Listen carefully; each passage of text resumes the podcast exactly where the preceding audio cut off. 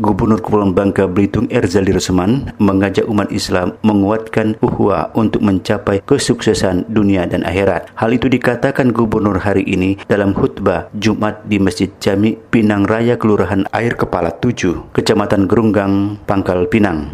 Menurut Erzal Rosman, salah satu prinsip pokok dalam masyarakat muslim adalah prinsip persaudaraan atau uhwa islamiyah dan dijelaskan dalam Al-Quran surah Al-Hujurat ayat 10 yang artinya sesungguhnya orang-orang beriman bersaudara. Rasulullah SAW bersabda yang artinya sesungguhnya orang mukmin itu untuk mukmin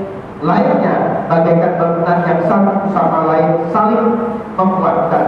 Dalam riwayat lain, An-Nu'man bin Bashir radhiyallahu anhu meriwayatkan bahwa Rasulullah SAW bersabda yang artinya orang-orang yang beriman dalam cinta dan kasih sayang mereka adalah seperti tubuh. Jika salah satu anggotanya sakit, maka yang lain pun ikut merasakan sakit.